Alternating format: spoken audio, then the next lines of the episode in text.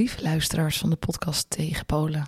Deze uitzending is net even anders, want ik wil heel graag het leven van mijn oma herdenken. Mijn moeder heeft in de jaren dat mijn oma nog leefde, en dat was haar schoonmoeder, want het is de moeder van mijn vader, haar geïnterviewd. Omdat ze al het idee had van, ik moet nu de vragen gaan stellen die we later niet meer kunnen stellen. Aangezien de dodenherdenking voor de deur staat, of als je later luistert net is geweest.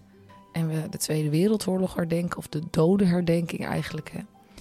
Meerdere oorlogen. Wil ik toch even voornamelijk me toespitsen op het leven van mijn oma. En hoe zij ook de Tweede Wereldoorlog is doorgekomen. Dus eigenlijk met grote dank aan mijn moeder, Marina Badou, dat ik dit verhaal van mijn oma kan vertellen. Omdat mijn moeder enorm veel tijd en moeite heeft gestoken in, het, uh, in de biografie van mijn oma. Ik hoop dat je het een bijzonder verhaal vindt. Ik, uh, ik vond het in ieder geval wel en het maakt mij heel dankbaar dat zij mijn oma is geweest.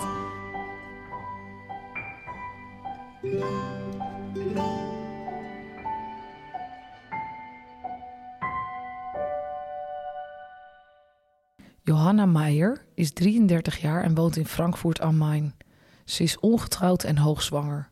Op 15 november bevalt ze in het ziekenhuis van een dochtertje dat ze vernoemt naar haar moeder, Emilie. Op het geboorteregister wordt aangetekend vader onbekend. Het meisje komt haar hele leven niet te weten wie haar vader is. Ook van de geboortedag is niets bekend, behalve het Duitse weerbericht. Krachtige wind uit het zuidwesten, gevoelstemperatuur 8,5 graden. De zon liet zich in het geheel niet zien. Emily is bijna een jaar oud als haar moeder in het huwelijk treedt met de Duitse Herr Bügel. Ze wonen in Frankfurt, maar eind 1921 wordt Emily verwaarloosd aangetroffen en ondergebracht in het kinderthuis van de Joodse Vrouwenvereniging. Ook het zoontje geboren uit dit huwelijk wordt na de scheiding zeven jaar later in een verwaarloosde toestand in het kinderthuis opgenomen. Het is 19 november 1923. Het Joodse Amsterdamse echtpaar Eva Duits en Gerrit Betel zitten in de trein van Amsterdam naar Frankfurt om in een Joods weeshuis een kind uit te zoeken. Hij is ambtenaar bij de Armenraad, hoofd van de anti-woekerdienst. Eva is op haar veertigste om fysieke reden afgekeurd als onderwijzeres. Ze zijn twaalf jaar getrouwd en kunnen geen kinderen krijgen. Een Nederlands kind adopteren blijkt niet mogelijk. Er is geen wetgeving voor in die tijd. Een kind uit Duitsland is de enige optie. In het Joodse weeshuis in Frankfurt lopen Eva en Gerrit Betel door de slaapzalen. Welk kind? Het is zo moeilijk te kiezen. Dan zien ze rechtop in een van de bedjes een meisje staan. Emilie Meijer. Ze is vier dagen daarvoor drie jaar geworden en kijkt de Nederlandse mensen met zulke grote indringende ogen aan dat de adoptie in een flits beslist is.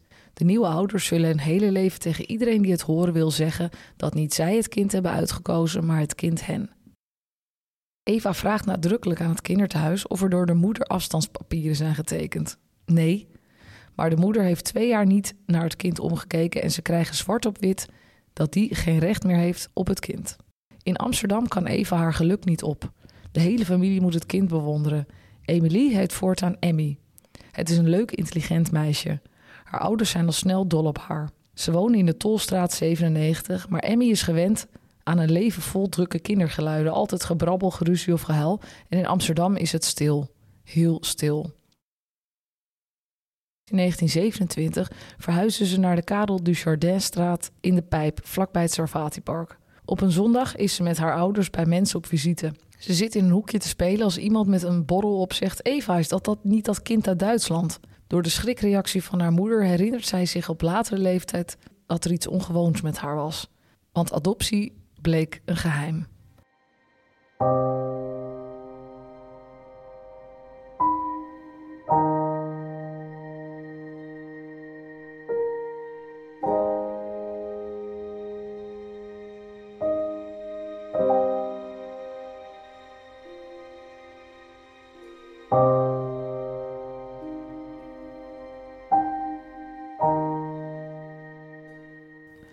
Als Emmy 6 is, gaat ze naar de Joodse lagere Montessori school. Bij de inschrijving zijn er problemen. Officieel heet Emmy geen Betel, maar Maier. Het hoofd belooft aan Eva dat Emmy's achternaam voor niemand opvraagbaar is. In het archief komt de aantekening voorzichtig met de informatie. Met de Joodse traditie heeft Emmy weinig op. Ze is van nature wars van vorm en regels. Als ze zeven is, moet ze naar een Joodse zondagschool. Maar na één Torah-les is ze met geen stok meer heen te krijgen. Haar moeder kan hoog of laag springen, maar ze weigert Ivriet, Hebreeuws, te leren schrijven. Het is 1927. Emmy heeft er geen idee van dat haar ouders via de Joodse gemeenschap met een van de beste vrouwelijke advocaten van Nederland in contact zijn. Meester Frida Katz. Ze is gespecialiseerd in gezinsrecht en zit in Amsterdamse gemeenteraad en in de Tweede Kamer. Gerrit en Eva willen vaart zetten achter de wettelijke voogdij en naamswijziging. Maar daarvoor moet de biologische moeder Johanna afstandspapieren tekenen en dat weigert ze. Emmy voelt de spanning in huis. Er zijn steeds meer geheimzinnige telefoontjes. Dat de Betels überhaupt een telefoon hebben is speciaal en bijzonder voor die tijd. Het zwarte apparaat hangt aan de muur in de gang en heeft een kerngetal van drie cijfers. Steeds als Emmy binnenkomt wordt er gauw opgehangen. Ze denkt vanwege haar vaders geheime werk bij de woekerbestrijding. In het vergilde advocatendossier zijn tientallen handgeschreven briefjes te vinden. Kunnen niet praten, kind is thuis. Emmy is op school een goede leerling en heeft het reuze naar haar zin. Als ze twaalf is, gaat ze eerst een jaar naar het gemeentelijk meisjeslyceum, waar ze onder andere wiskundeles krijgt van de latere schaakgrootmeester Max Euwe.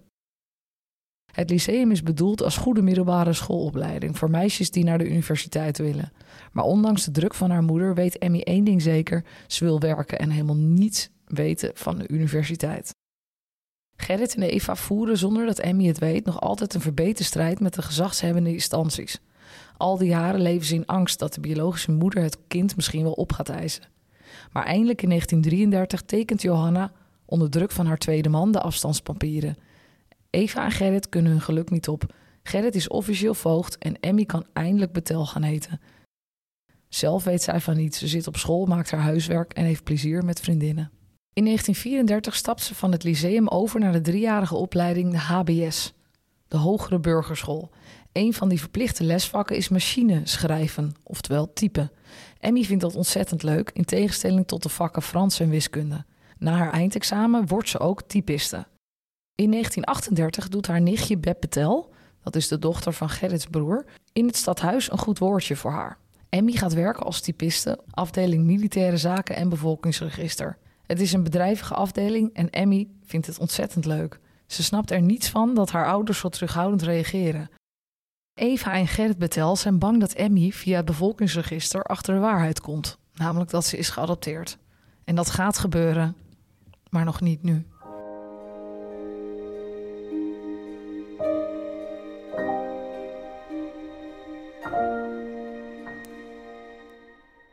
Het is begin oktober 1939. Emmy is bijna 19. De wereld staat op springen, want Hitler wil via een Duits-Russisch pact afrekenen met Polen.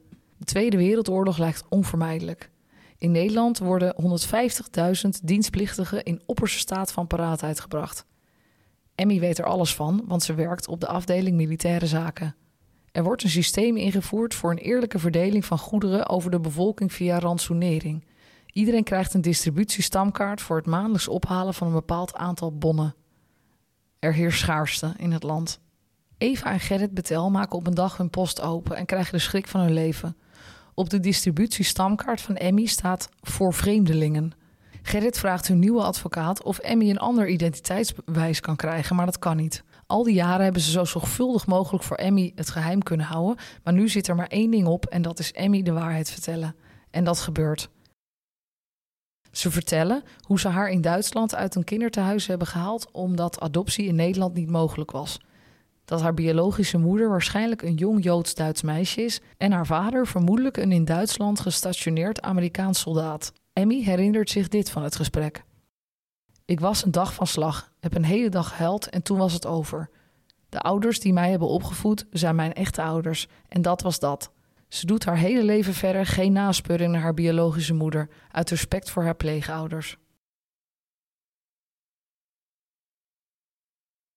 Een paar weken na de schok begint Emmy zich geheimzinnige voorvallen te herinneren, die nu op hun plaats vallen, zoals de schrikreactie van haar moeder na een opmerking van iemand over een Duits kind, of haar juffrouw Witmond van de Montessori-school, die altijd zo tegen haar meester fluisterde bij het uitreiken van haar rapport. De geheimzinnige telefoontjes die plotseling afgebroken werden als zij thuis kwam.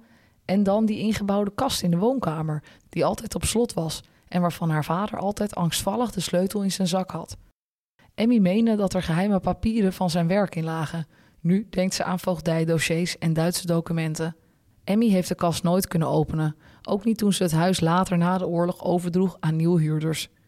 Die hebben ongetwijfeld de inhoud in de vuilnisbak gegooid.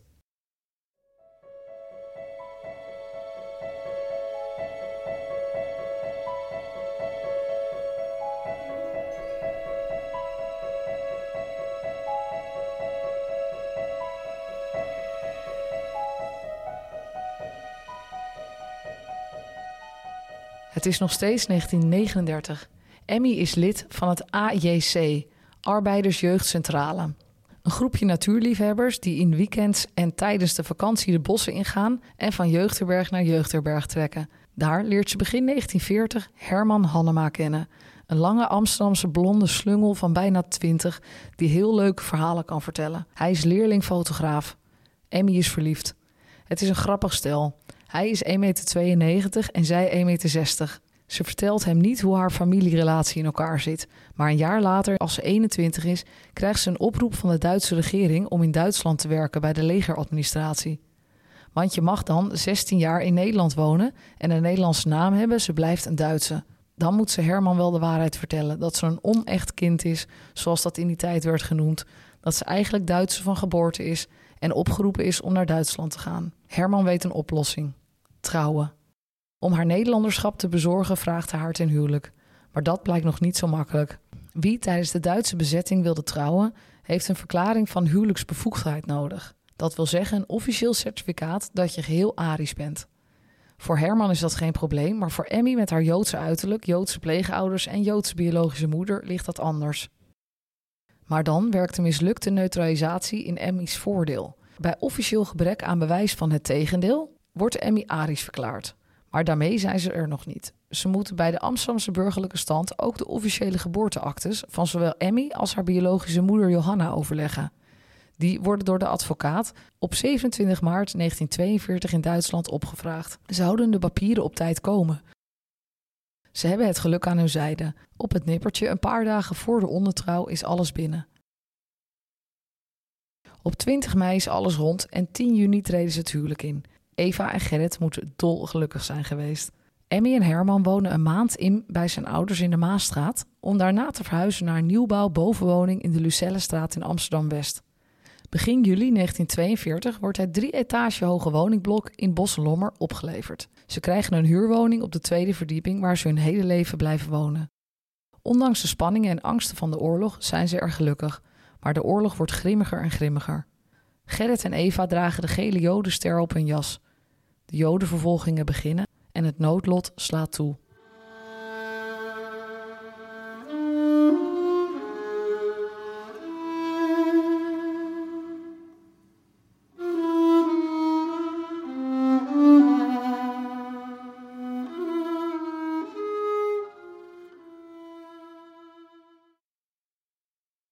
Op vrijdag 7 september 1942, drie maanden na het huwelijk van Herman en Emmy, eten ze s'avonds bij Emmy's ouders. Na het eten krijgt Herman last van zijn maag en Emmy en Herman gaan iets eerder naar huis. Ze zijn net weg als er een kolonne legerauto's de Karel Dujardinstraat in komt rijden en de straat wordt afgezet. Schreeuwende soldaten met geweren in de aanslag en namenlijsten in hun hand gaan van deur tot deur. Systematisch worden alle Joodse bewoners uit hun huis gehaald. Het onderwijzersgezin van nummer 12 met Emmy's even oude vriendinnetje Telma, de diamantslijpers aan het begin van de straat, de familie van beeldhouder Leon Kinsbergen van nummer 11 en Clara Gunther van nummer 38, de mensen van de bloesefabriek Frischman op nummer 33 en de familie De Levy op nummer 80, maar ook de ouders van Emmy. Gerrit en Eva worden in een vrachtwagen gedirigeerd. De volgende dag hoort Emmy van mensen uit de straat wat er is gebeurd. Later komt het bericht dat ze op 10 september 1942 in een goederentrein naar Auschwitz, Polen, zijn getransporteerd. Emmy en Herman zijn enorm aangeslagen. Als enige tijd later het verzegelde bovenhuis door de Duitsers wordt vrijgegeven, gaat Emmy kijken en blijkt alles volledig te zijn leeggehaald. Alleen de zolder, die via het trappenhuis bereikbaar is, is onaangeroerd. De voedselopslag die daar ligt, neemt Emmy mee.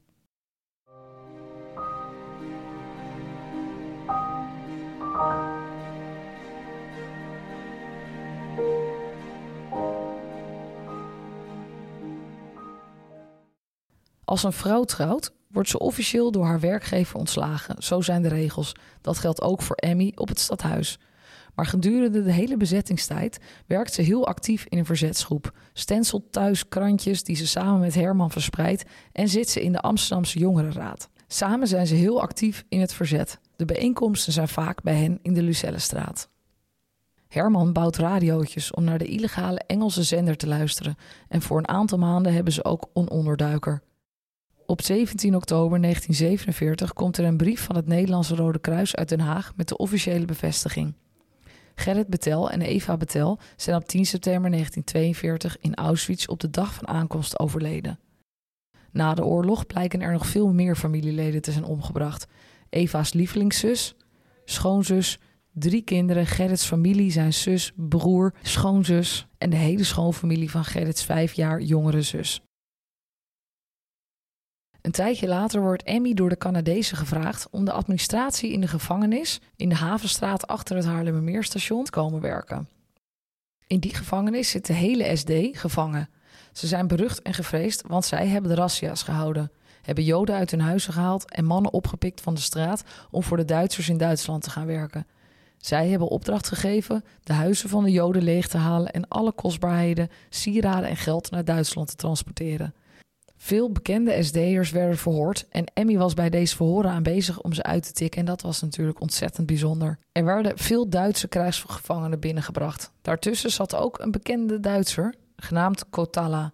Hij blijkt de beruchte bul van Amersfoort te zijn. Emmy staat erbij als hij huilend op de grond ligt omdat hij herkend is.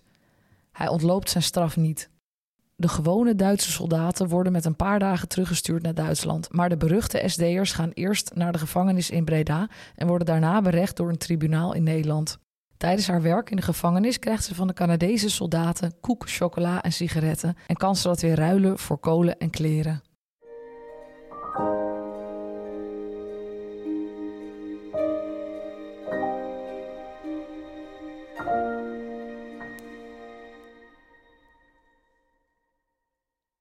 Door het Nederlands bestuur wordt een wet uitgevaardigd dat het huwelijk van alle Nederlanders die in de oorlog zijn getrouwd met iemand uit het buitenland ongeldig wordt verklaard. Ineens zijn er twee onwettige kinderen en wonen mensen ongetrouwd samen, wat in die tijd een schande was. Na zes weken wordt die wet weer ingetrokken. Maar de buitenlandse vrouwen verliezen wel de door hun huwelijk verkregen Nederlandse nationaliteit. En Emmy was weer Duitse. Om het Nederlanderschap weer terug te krijgen, moest ze bewijzen dat ze in de oorlog niet met de Duitsers had samengewerkt. Op 13 maart 1946 schrijft ze aan het bureau Vreemdelingenpolitie in Amsterdam een verzoekschrift met het onderwerp aanmelding Duitsers en gewezen Duitsers. Met daarin haar levensloop, arbeidsverleden, verzets- en gevangeniswerk om haar Nederlanderschap weer terug te krijgen. En dat lukt. Ze noemt zichzelf een geluksvogel. In 1946 wordt mijn vader geboren en in 1948 mijn oom Ernst. Mijn oma en opa en hun twee kinderen wonen heel gelukkig in de Lucellestraat in Amsterdam. Daar heeft mijn oma totdat ze naar een bejaardentehuis moest gewoond. Kleine 60 jaar. Mijn zusje en ik logeerden er heel vaak.